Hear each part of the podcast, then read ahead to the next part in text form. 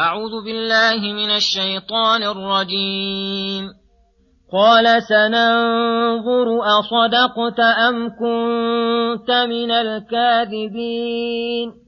اذهب بكتابي هذا فألقه إليهم ثم تول عنهم فانظر ماذا يرجعون.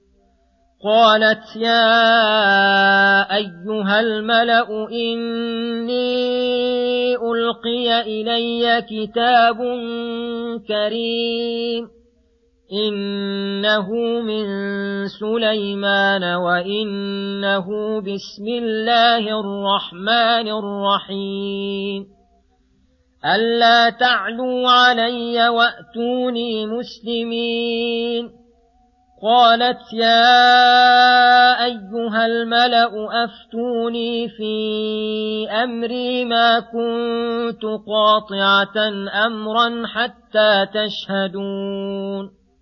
قالوا نحن أولو قوة وأولو بأس شديد والأمر إليك فانظري ماذا تأمرين. قالت إن الملوك إذا دخلوا قرية أفسدوها وجعلوا أعزة أهلها أذلة وكذلك يفعلون وإني مرسلة إليهم بهدية فناظرة بما يرجع المرسلون فلما جاء سليمان قال أتمدونني بمال فما آتاني الله خير مما آتاكم بل أنتم بهديتكم تفرحون ارجع إليهم فلنأتينهم بجنود لا قبل لهم بها ولنخرجنهم منها ولنخرجنهم منها أذلة وهم صاغرون قال يا أيها الملأ أيكم يأتيني بعرشها قبل أن يأتوني مسلمين. قال عفريت من الجن أنا آتيك به قبل أن تقوم من مقامك وإني عليه لقوي أمين. قال الذي عنده علم من الكتاب أنا آتيك به قبل أن يرتد إليك طرفك. فلما رآه مستقرا عنده قال هذا من فضل ربي. قال هذا من فضل ربي ليبلوني أأشكر أم أكفر ومن شكر فإنما يشكر لنفسه ومن كفر فإن ربي غني كريم. بسم الله الرحمن الرحيم. السلام عليكم ورحمة الله وبركاته. يقول الله سبحانه قال سننظر أصدقت أم كنت من الكاذبين؟ وقال مثبتا لكمال عقله ورزانته سننظر أصدقت أم كنت من الكاذبين؟ اذهب بكتابي هذا وسيأتي نصه فألقه إليهم ثم تول عنهم أي استأخر غير بعيد فانظر ماذا يرجعون إليك وما يتراجعون به. فذهب به فألقاه عليها فقالت لقومها إني ألقي إلي كتاب كريم.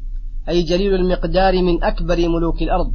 ثم بينت مضمونه فقالت إنه من سليمان وإنه بسم الله الرحمن الرحيم. ألا تعلوا علي وأتوني مسلمين. أي لا تكونوا فوقي بل اخضعوا تحت سلطاني وانقادوا لأوامري وأقبلوا إلي مسلمين. وهذا في غاية الوجازة مع البيان التام فإنه تضمن نهيهم عن العلو عليه والبقاء على حالهم التي هم عليها والانقياد لأمره والدخول تحت طاعته ومجيئهم إليه ودعوتهم إلى الإسلام. وفيه استحباب ابتداء الكتب بالبسملة كاملة وتقديم الاسم في أول عنوان الكتاب. فمن حزمها وعقلها أن جمعت كبار دولتها ورجال مملكتها وقالت يا أيها الملأ أفتوني في أمري. أي أخبروني ماذا نجيبه به. وهل ندخل تحت طاعته وننقاد أم, أم ماذا نفعل؟ ما كنت قاطعة أمرا حتى تشهدون. أي ما كنت مستبدة ما كنت مستبدة بأمر دون رأيكم ومشورتكم. قالوا نحن أولو قوة وأولو بأس شديد. أي إن رددت عليه قوله ولم تدخلي في طاعته فإنا أقوياء على القتال. فكأنهم مالوا إلى هذا الرأي الذي لو تم لكان فيه دمارهم. ولكنهم أيضا لم يستقروا عليه بل قالوا الأمر إليك أي الرأي ما رأيت لعلمهم بعقلها وحزمها ونصحها لهم. فانظري نظر فكر وتدبر ماذا تأمرين؟ فقالت لهم مقنعة لهم بالعدول عن رأيهم ومبينة سوء مغبة القتال إن الملوك إذا دخلوا قرية أفسدوها قتلا وأسرا ونهبا لأموالها وتخريبا لديارها وجعلوا أعزة أهلها أذلة. أي جعلوا الرؤساء السادة أشراف الناس من الأرذلين. أي فهذا رأي غير سديد وأيضا فلست بمطيعة له قبل الاحتيال وإرسال من يكشف عن أحواله ويتدبرها. وحينئذ تكون على بص نكون على بصيرة من أمرنا. فقالت وإني مرسلة إليهم بهدية فناظرة بما يرجع المرسلون منه.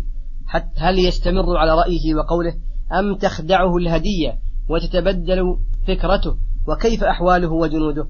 فأرسلت إليه بهدية مع رسل من عقلاء قومها وذوي الرأي منهم فلما جاء سليمان أي جاءه الرسل بالهدية قال منكرا عليهم ومتغيظا على عدم إجابتهم أتمدونني بمال فما آتاني الله خير مما آتاكم؟ فليست تقع عندي موقعا ولا أفرح ولا أفرح بها وقد أغناني الله عنها وأكثر, وأكثر علي النعم. بل أنتم بهديتكم تفرحون لحبكم للدنيا وقلة ما بأيديكم بالنسبة لما أعطاني الله ثم أوصى الرسول من, من غير كتاب لما رأى لما رأى من عقله وأنه سينقل كلامه على وجهه فقال ارجع إليهم أي بهديتك فلنأتينهم بجنود لا قبل لهم أي لا طاقة لهم بها ونخرجنهم منها أذلة وهم صاغرون فرجع عليهم وأبلغهم ما قال سليمان وتجهزوا للمسير إلى سليمان. وعلم سليمان أنهم لا بد أن يسيروا إليه. فقال لمن حضره من الجن والإنس أيكم يأتيني بعرشها قبل أن يأتوني مسلمين؟ أي لأجل أن نتصرف فيه قبل أن يسلموا فتكون أموالهم محترمة. قال عفريت من الجن والعفريت هو القوي النشيط جدا. أنا آتيك به قبل أن تقوم من مقامك وإني عليه لقوي أمين. والظاهر أن سليمان إذ ذاك في الشام فيكون بينه وبين سبأ نحو مسيرة أربعة أشهر شهران ذهابا وشهران إيابا وتحديد المدة حسب إمكانات زمانهم. ومع ذلك يقول هذا العفريت أنا ألتزم بالمجيء به على كبره وثقله وبعده قبل أن تقوم من مقامك الذي أنت فيه. والمعتاد من المجالس الطويلة أن تكون معظم الضحى نحو ثلث يوم هذا نهاية المعتاد. وقد يكون ذلك دون ذلك أو أكثر. وهذا الملك العظيم الذي عند أحد رعيته هذه القوة والقدرة. وأبلغ من ذلك أن قال, أن قال الذي عنده علم من الكتاب. قال المفسرون هو رجل عالم صالح عند سليمان. يقال له آصف ابن برخيا كان يعرف اسم الله الأعظم الذي إذا دعا الله به أجاب وإذا, وإذا سأل به أعطى. أنا آتيك به قبل أن يرتد إليك طرفك. أي بأن يدعو, بأن يدعو الله بذلك الاسم فيحضر حالا وأنه دعا الله فحضر. فالله أعلم هل هذا هو المراد أم أن عنده علما من الكتاب يقتدر به على جلب البعيد وتحصيل الشديد. فلما رآه سليمان مستقرا عنده حمد الله تعالى على إقداره وملكه وتيسير الأمور له وقال هذا من فضل ربي ليبلوني أأشكر أم أكفر؟ أليختبرني بذلك؟ فلم يغتر عليه السلام بملكه وسلطانه وقدرته كما هو دأب الملوك الجاهلين.